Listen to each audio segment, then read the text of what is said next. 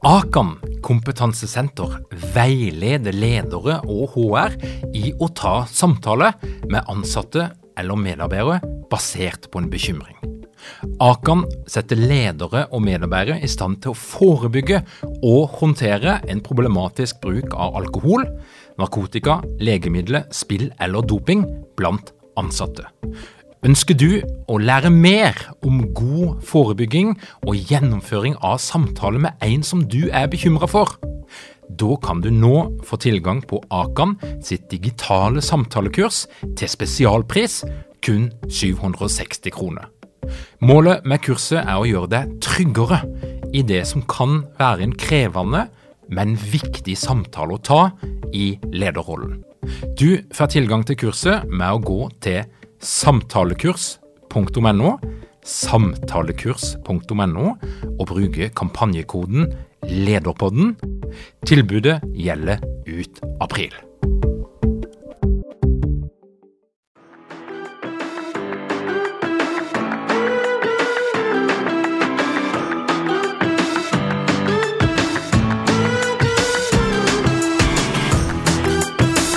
Velkommen til Lederpodden. Mitt navn er Tor Åge Eikrapen. Jeg jobber som organisasjonspsykolog med leder- og ledergruppeutvikling. Og dette her er en podkast om ledelse. Men først skal du få et par ord fra Ellen Holt, tidligere deltaker på lederprogrammet, som i dag jobber som leder i Sveko. Ellen, var det verdt det? Ja, det er skikkelig kult, faktisk. For den følelsen sitter jeg, det er så eh, tydelig for meg at det her angrer jeg ikke én krone på. Så jeg kjørte jo full pakke. Ambisiøs og personlighetstest og alle moduler. Og jeg har hatt så god nytte av det. Jeg jobber jo med mennesker. Eh, masse mennesker. For jeg jobber også parallelt i mange prosjekter og dealer mye med mellommenneskelige ting og tang. Så jeg har fått veldig mye av eh, lederprogrammet i form av konkrete verktøy. Og jeg satte også veldig pris på de breakout roomsene, hvor jeg fikk eh, på en måte kjørt meg litt da, i kleine situasjoner med andre. Hvor man også får For det første så får du brukt den kunnskapen du akkurat har fått tilegna deg, i praksis med andre, og så får du tilbakemelding med en gang. Litt sånn kan kanskje ordlegge deg annerledes, eller eh, hvordan, hva tenker du om hvordan mottakeren tok dette? det har vært så gull, for du har fått trent deg. Jeg har også tatt fram liksom kleine situasjoner som jeg ikke har villet snakke om. Og så har jeg tatt det da i breakout rooms og i læringsgruppe. Så jeg har virkelig lært uh, mye om det. Og for min del så handla det jo også om å få en litt uh, kunnskapsgrunnvoll for ledelsesfaget. Og jeg har fått nyvunnen respekt for at ledelse faktisk er et fag. At det er veldig mange ferdigheter som man kan lære seg. Og som vi har hørt også fram til nå, at det altså er veldig viktig å øve. Så jeg, jeg, har fått masse å øve på, og jeg får praktisert det med en gang. Det har vært så deilig. Som du kanskje vet, så holder jeg på å skrive ei bok om vanskelige samtaler. Ja, jeg vet du kaller det for nødvendige samtaler, du kaller det for viktige samtaler, men kom an, hvis vi skal bruke et begrep som mange skjønner og kjenner seg igjen i ganske umiddelbart, så vil jeg påstå at det mest etablerte begrepet vi kan bruke, er vanskelige samtaler. Det handler om samtaler mellom deg som leder og en medarbeider. Det kan handle om litt ulike ting, og det er òg ulike definisjoner på hva som er en vanskelig samtale. Det kommer an på din personlighet, din erfaring, hva du har trent og lært på, henne grensa gjenger for at du kjenner at nå begynner det å bli vanskelig. Men en vanskelig samtale, det er jo en samtale som du gruer deg til, som du kanskje egentlig har lyst til å utsette, men som du vet at du bør ta. Og Hvis vi går og kikker i litteraturen på ulike definisjoner på tilbakemeldinger som handler om at noen må gjøre noe på en annen måte, det kan handle om måten de gjør jobben sin på, eller det kan handle om måten de oppfører seg på, så skal du nå få et lite utvalg av definisjonene, og der alle er riktige. Men det jeg prøver å få fram, det er at før kunne vi snakke om vanskelige samtaler som noe som bare handla om kommunikasjon, og du kunne lære det. i dagens klima, i dagens arbeidsliv, så har vi en formalisering, vi har en uh, situasjon der du som leder lett kan havne i en konflikt som blir juridisk, eller der du som arbeidsgiver blir anklaga for å ha gjort en usaklig oppsigelse. Så derfor, når vi snakker om vanskelig samtale i 2023, du kan ikke snakke om det uten å ta med det juridiske perspektivet. Men la oss høre på noen av de definisjonene som finnes på denne type samtale. Vi kan snakke om en endringsorientert tilbakemelding ja, som kan bidra til utvikling og motivasjon. En tilbakemelding på noe du kan gjøre bedre, kan faktisk oppleves som noe positivt. Endelig er det noen som forteller meg hvordan jeg skal oppføre meg her, endelig er det noen som forteller meg hvordan jeg skal gjøre jobben, og de fleste har jo lyst til å gjøre en god jobb, og de har lyst til å oppføre seg ordentlig, så det å få tilbakemelding fra sin leder kan oppleves som noe positivt i det lange løp. Guro Øystad hun har skrevet bøker om tilbakemeldinger, og dette her er en av hennes definisjoner, altså. En endringsorientert tilbakemelding som kan bidra til utvikling og motivasjon. En av mine faglige helter, Seth Godin, skrevet masse bøker, driver en podkast som heter Kimbo, han har en blogg som han skriver på hver eneste dag. Og han har en del eh, veldig sitatvennlige uttalelser, og eh, han sier at vanskelige samtaler, det er en samtale der du vil gjøre to ting på en gang. Du vil få noen til å endre seg, samtidig som du vil beholde en god relasjon. Godt sagt! Og på norske arbeidsplasser, som altså eh, er stort sett ganske små, det små, tette miljøer der du kanskje omgås de du jobber sammen med på fritida, vi sitter rundt det samme lunsjbordet, vi er tett på hverandre, så vil vi jo beholde en god relasjon. Og det å gi en korrigerende tilbakemelding på arbeidsutførsel eller oppførsel, det er å risikere noe når det gjelder relasjonen. Du kan risikere at relasjonen blir dårligere, du kan risikere at relasjonen blir annerledes, og at det blir et tydeligere skille mellom deg som leder og medarbeideren din, som kanskje òg du tenker på som en kollega og, og, og, som en venn i noen tilfeller. Og da er det krevende å skulle både få noen til å endre seg, og samtidig beholde nær relasjonen.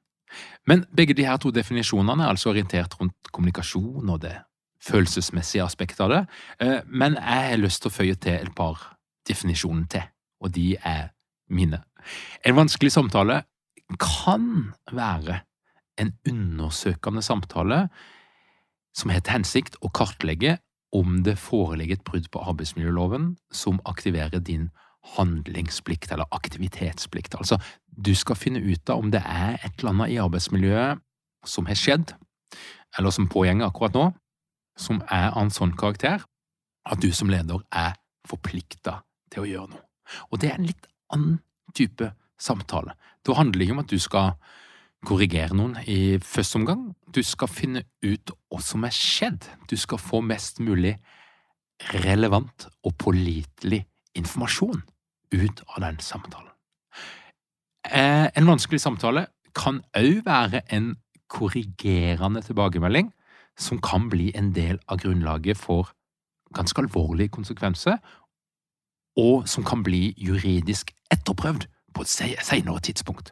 Noen kan altså gå inn og se hva slags samtale var det du hadde, hvordan er det dokumentert, i hvilken grad forsto den du snakka med, budskapet eh, som du formidla, på en god nok måte, og er det det som kalles for god saksbehandling. Altså er det lett å, å, å lese ut av dokumentasjonen hva som faktisk har skjedd her, og kan du dokumentere det du har gjort her. Ok, så en vanskelig samtale, det handler både om kommunikasjon og det handler om den juridiske delen. Og som du ikke nå kanskje har skjønt, min store kjepphest, det jeg er opptatt av å få sagt noe om og skrive om, det er at en vanskelig samtale, det er ikke én metode og én type samtale, det er flere. Og jeg, i mitt lille bokprosjekt, ja, boka kommer på Gyldendal eh, på nyåret, når jeg har sagt det høyt, så må jeg legge ekstra press på meg sjøl, og det trenger jeg, men En vanskelig samtale, eh, det er ulike samtaler, og du trenger litt ulik metodikk, litt ulik inngang, litt ulik struktur i de ulike samtalene. Du skal ikke få hele pakka nå, men jeg vil gjøre et skille mellom noen ulike kategorier av vanskelige samtaler. For enkelte så snakker vi om eh, vi snakker om at vi ønsker en feedback-kultur. Vi ønsker å jobbe et sted der vi gir hverandre tilbakemeldinger for å bli bedre, med god intensjon. Og Veldig mange av de tankene kommer fra idretten, det kommer fra Forsvaret, det kommer fra arenaer der folk har meldt seg på eh, et opplegg som handler om prestasjon, og der det er en del av greia. Du skal få tilbakemeldinger. Min erfaring er at i et helt ordinært arbeidsmiljø så er det ikke like selvfølgelig for alle at vi skal drive og gi hverandre tilbakemeldinger, og det er ikke alltid det blir like godt tatt imot hvis noen begynner med det litt sånn på egen hånd. Så Derfor er det et poeng å snakke om er det en sånn type kultur vi skal ha, er det det folk er klare for her, er vi med på det? Et sted der de praktiserer dette her veldig ekstremt, det er jo i Netflix, og det er til og med skrevet ei bok om åssen de der gir hverandre tilbakemeldinger hele tida, og det er litt røffe kanter på den kulturen. Men feedback hva er det? Det er tilbakemeldinger som er eh, en del av hverdagen, som er relativt uformelle, de er muntlige, de er sannsynligvis ikke dokumentert, men det er en del av sånn vi jobber sammen i vårt team. Vi gir hverandre tilbakemeldinger.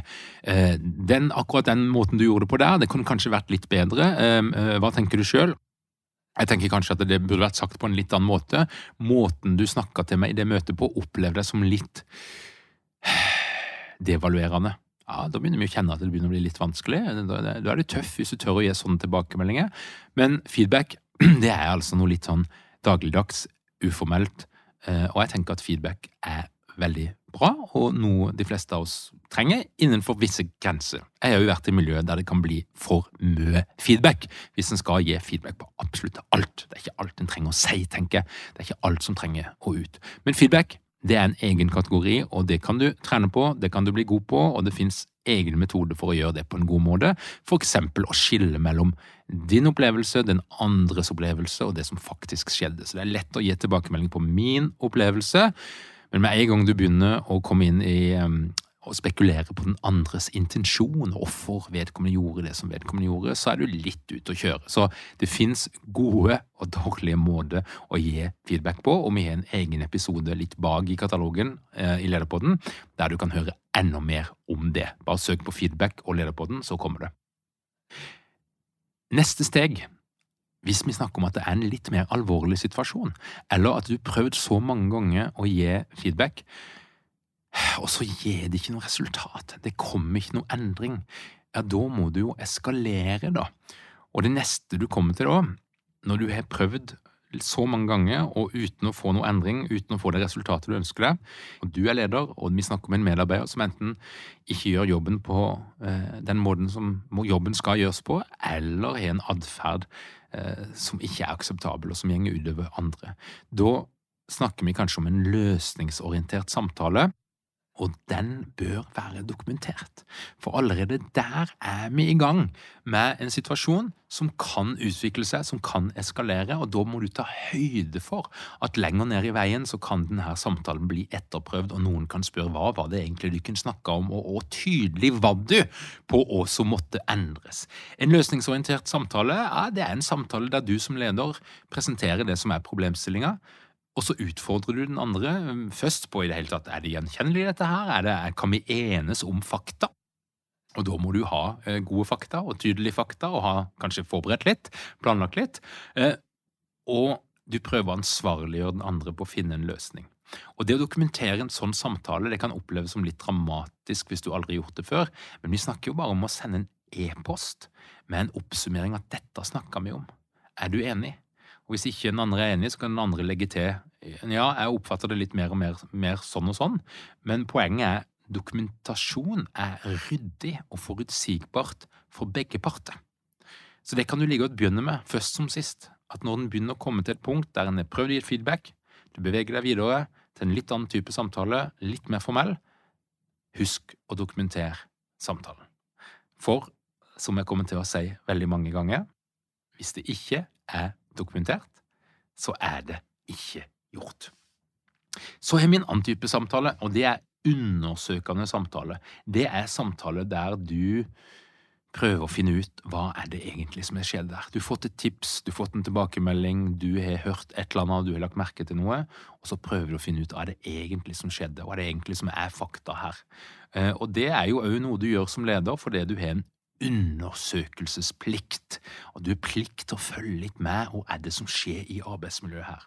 Og det er en annen type samtale. Da skal du ikke utfordre, du skal ikke nødvendigvis ansvarliggjøre, men du skal prøve å finne ut hva har skjedd, og du skal prøve å få relevante og pålitelige fakta eller informasjon ut av samtalen.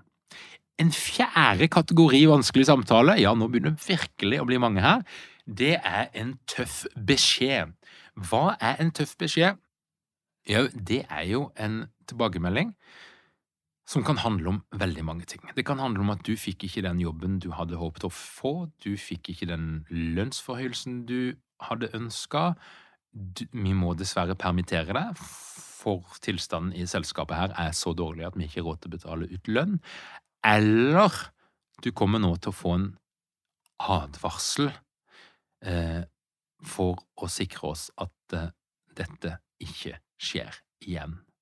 Eh, en tøff beskjed det er jo en type samtale der det er en prosess i forkant eh, som vedkommende har vært en del av, og der du kommer med den endelige beskjeden. Og Der er det altså noen helt egne regler og strukturer for å gi en tøff beskjed på en god måte. Den siste typen samtale, den femte, det er egentlig ikke en samtale, det er en prosess, og det er en omstendelig prosess. Og Du kunne hørt mye om han her før, blant annet i intervjuet med Ståle Einarsen, når vi snakker om en faktaundersøkelse eller en eller annen form for granskning. Kan gjennomføres internt, Ofte så gjøres det eksternt. Det er god grunn til å være skeptisk og problematisere dette her. Altså, det er både argumenter for og imot å gjøre det på den måten, men det er altså en metode som ofte blir brukt i saker der du mangler dokumentasjon, det er uklare fakta, og du trenger å løse en alvorlig sak som mange er berørt av. Da kan i noen tilfeller siste utvei være å gå til en faktaundersøkelse eller en eller annen form for granskning, og så skal du kunne vite at det er massevis av kritiske stemmer eh, der ute mot de metodene, men alternativene er ikke så åpenbare.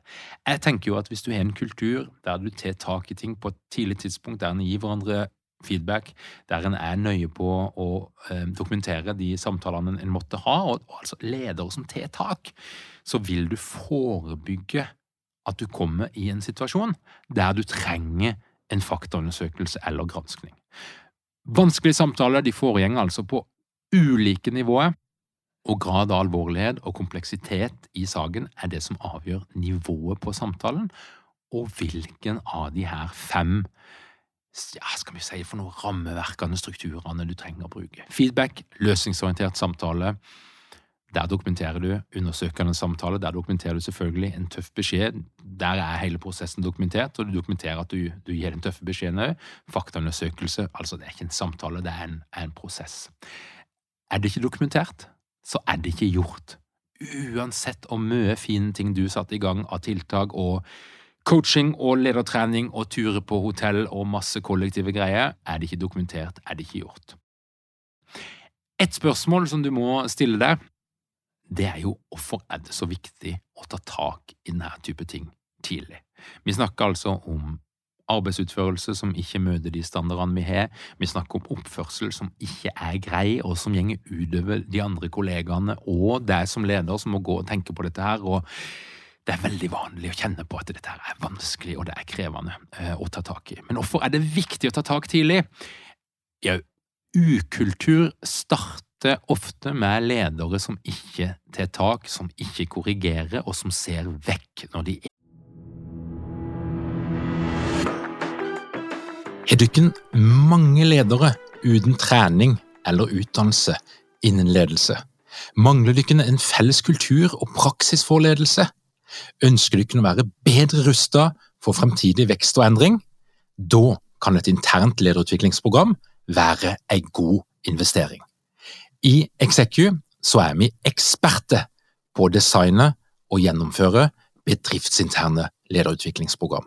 Hvis du ønsker å lære mer om hvordan vi kan hjelpe dykken til å få enda bedre ledere, ta og klikk deg inn på execu.no.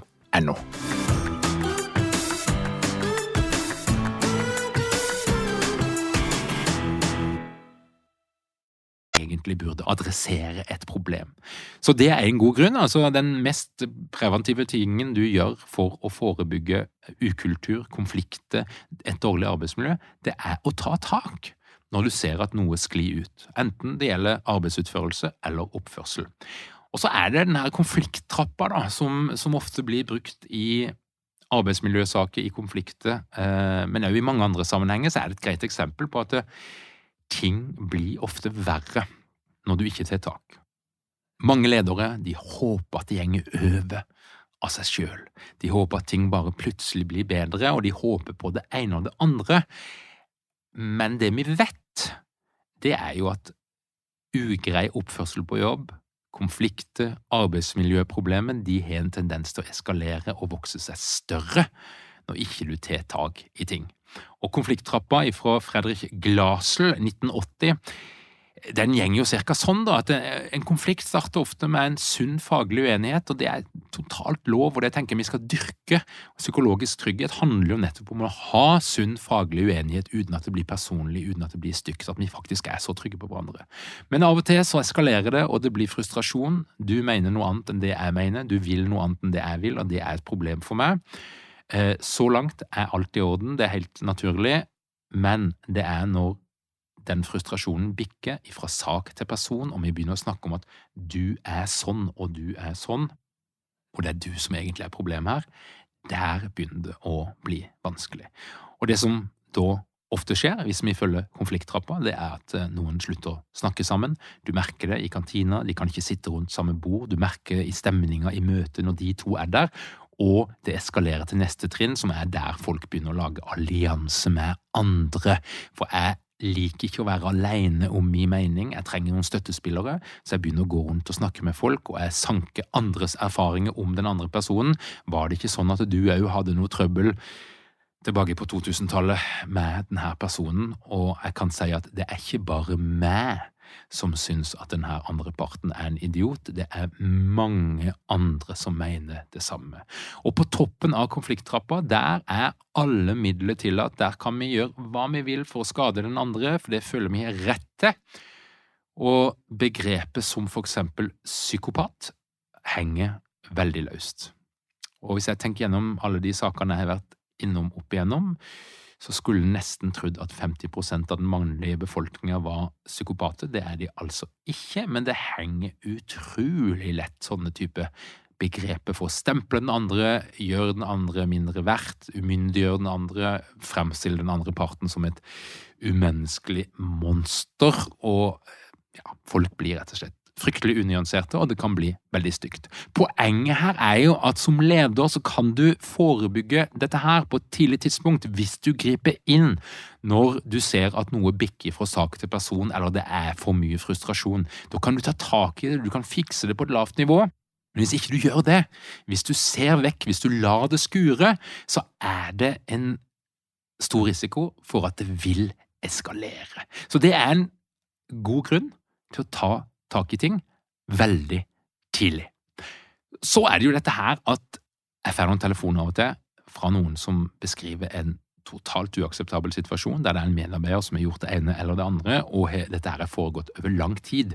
Og nå er det kommet der at nå må vedkommende sies opp, altså. Det er så ille. Og da spør jeg av og til, hva har du gjort så langt? Har du gitt tilbakemelding? Har du veiledet vedkommende, og har du dokumentert den veiledninga.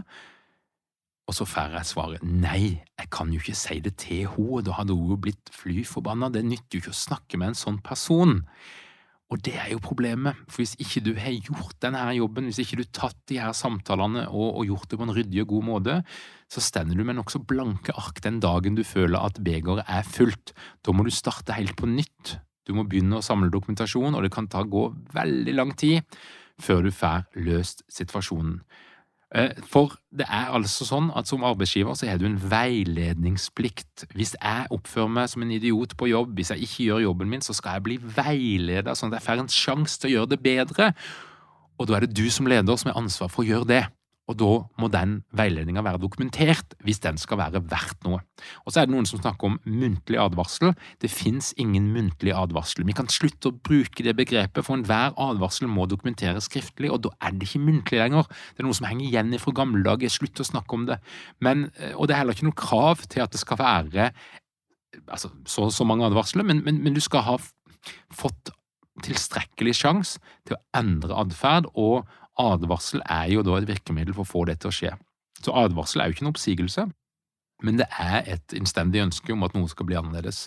Eh, og hvis ikke det blir annerledes, så kan det få en konsekvens. Og, og det er vel god, god eh, stil i de fleste tilfeller å, ha dokumentert veiledning, og så er det en advarsel, og så kommer det kanskje en advarsel til, og så må vi begynne å vurdere eh, et mer alvorlig skritt. Men bare husk at eh, hvis ikke du har vært ryddig på et tidlig tidspunkt, så får du bråk lenger ned i veien. Og da er det bedre å liksom ta høyde for at ja, av og til så havner de her tingene i rettssak. Av og til så blir det noe jurist involvert. Vær ryddig ifra dag én. Og en greie som jeg er opptatt av å si, i Norge så er vi litt for glad i myke tiltak. Det er veldig bra i mange sammenhenger, og da snakker jeg om uformell veiledning, vil Si veiledning som ikke er dokumentert. Vi, vi er glad i å få folk til å snakke sammen, og vi tenker at det kan løse veldig mange problemer. og Vi sender folk til coaching for at de skal slutte med sin destruktive oppførsel, og det funker jo veldig dårlig. Altså, folk du kan ikke coache folk gode, eh, iallfall ikke hvis ikke de eier problemet sitt sjøl. Eh, det er andre virkemidler som som regel må til. Lederutvikling er jo òg noe som ofte brukes for å ordne opp i ting som egentlig krever mer harde tiltak. Så jeg, hvis, jeg, skal komme med et råd, ikke vær på de her myke tiltakene for lenge. Altså Av og til så må vi være så ærlige med oss sjøl at dette her er en situasjon som krever noe annet. Og det kan være utrolig forebyggende å være flink på å gi dokumentert veiledning, og, og, av og til gi advarsler når det er nødvendig. Det, det, det blir lagt merke til, og, og, og det sender signal om at det her tar vi den type ting på alvor. Og det er jo ikke minst av hensyn til de andre kollegaene som, som må ta konsekvensen av noen som ikke gjør jobben sin eller oppfører seg på en ugrei måte. Eller andre som må ta konsekvensen. Så det er en veldig god grunn til å ta tak på et tidlig tidspunkt. Et annet spørsmål som mange kjenner seg veldig usikre på, det er jo hvor gjeng egentlig grensa?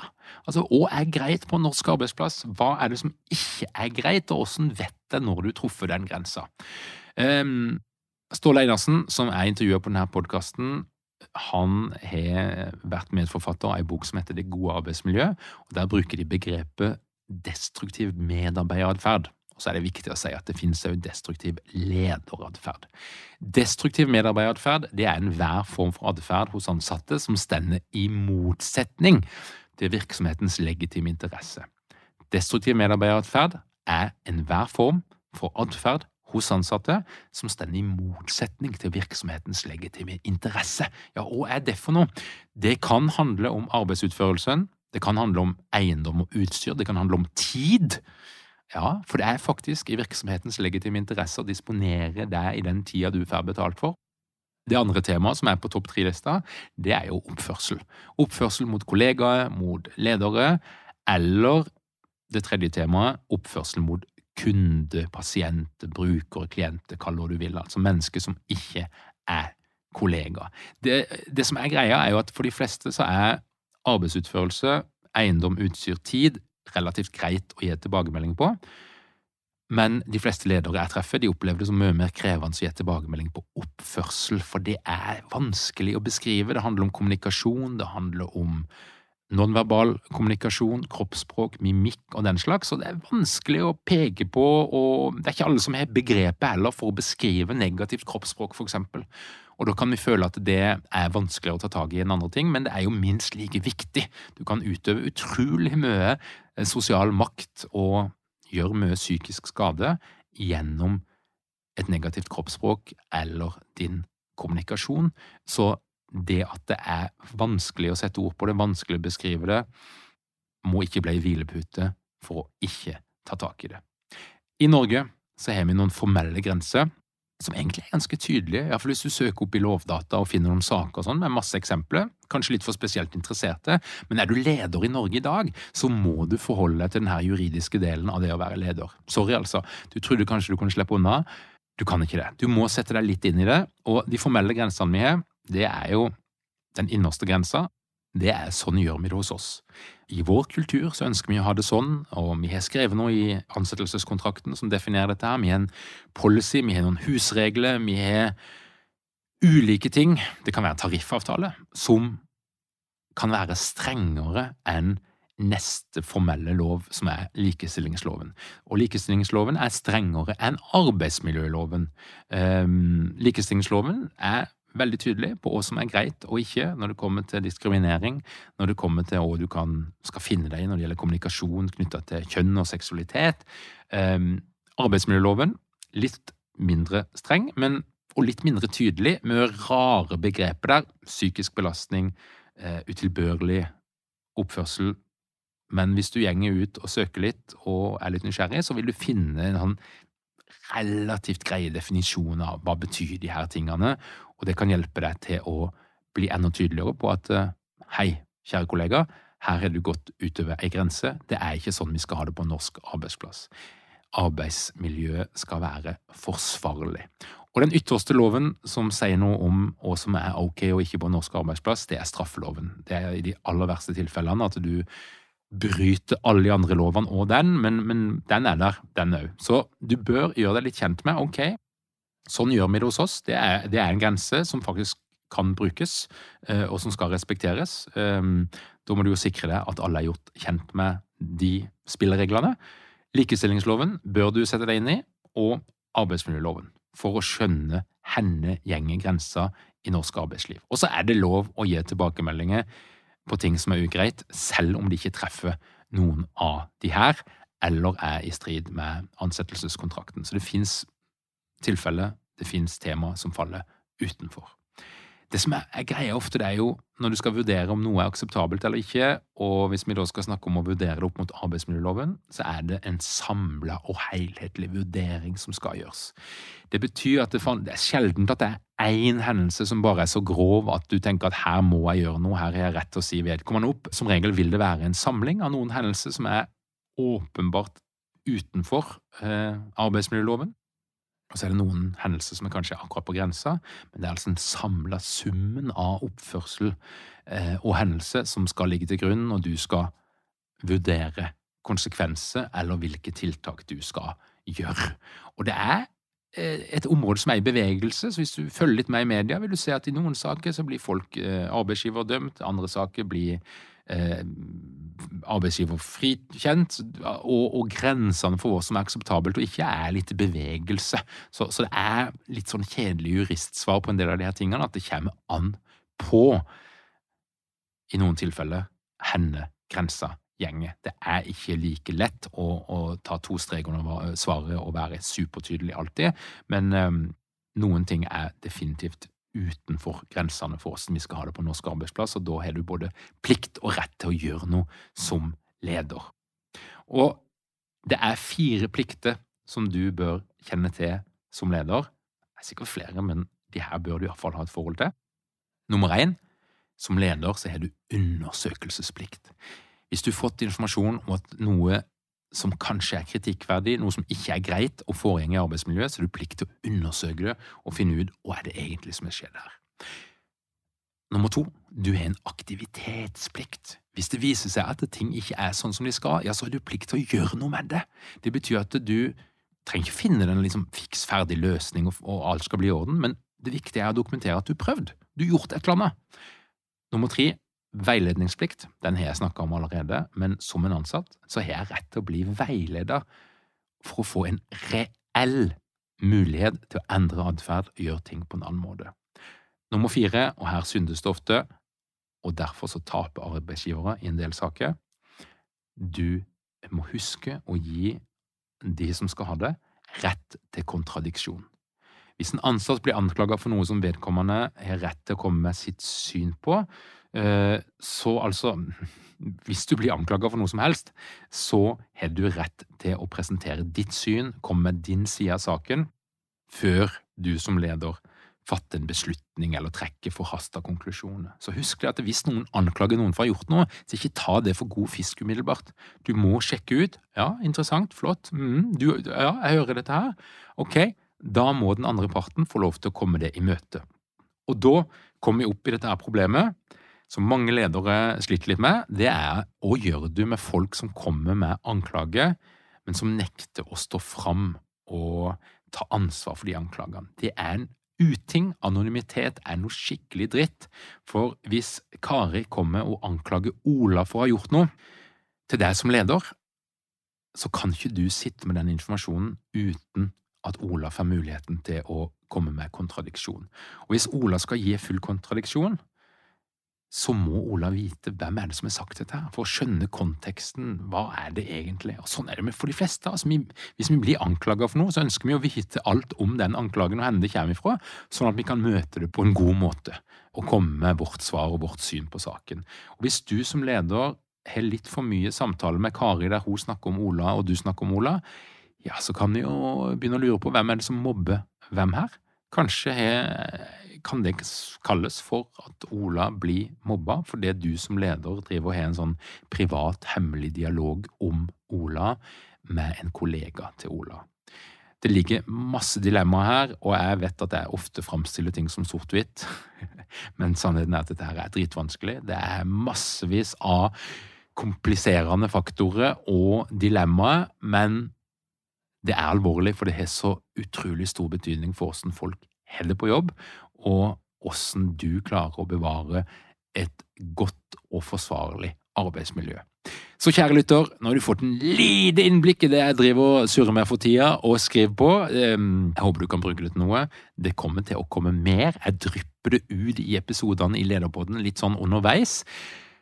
Og hvis du har spørsmål, så håper jeg du tar kontakt, for her er det masse spennende. Og du finner òg mange episoder i Lederpodden, blant annet med Sola Einarsen eh, og flere andre, som handler om denne type samtaler, denne type problemstillinger, og jeg vet at mange er veldig opptatt av det. Kjære lytter, hvis du har lyst til å få med deg alt som skjer i vårt lederunivers, så gjenger du inn på lederpodden.no, du trykker på den rette knappen, og du legger igjen din e-post, og du vil få vårt nyhetsbrev i din innboks hver eneste fredag. Ja, nesten. Det glipper litt av og til. Du vet sikkert at vi har et par plass igjen på lederprogrammet. Det starter 29. september, og du kan bli med.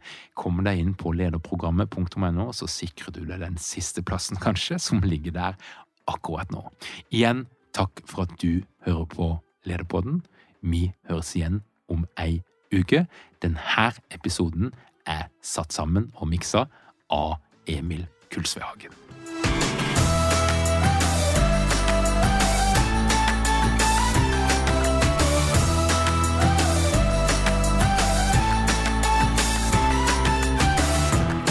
Lederpodden er gitt til deg av Execu.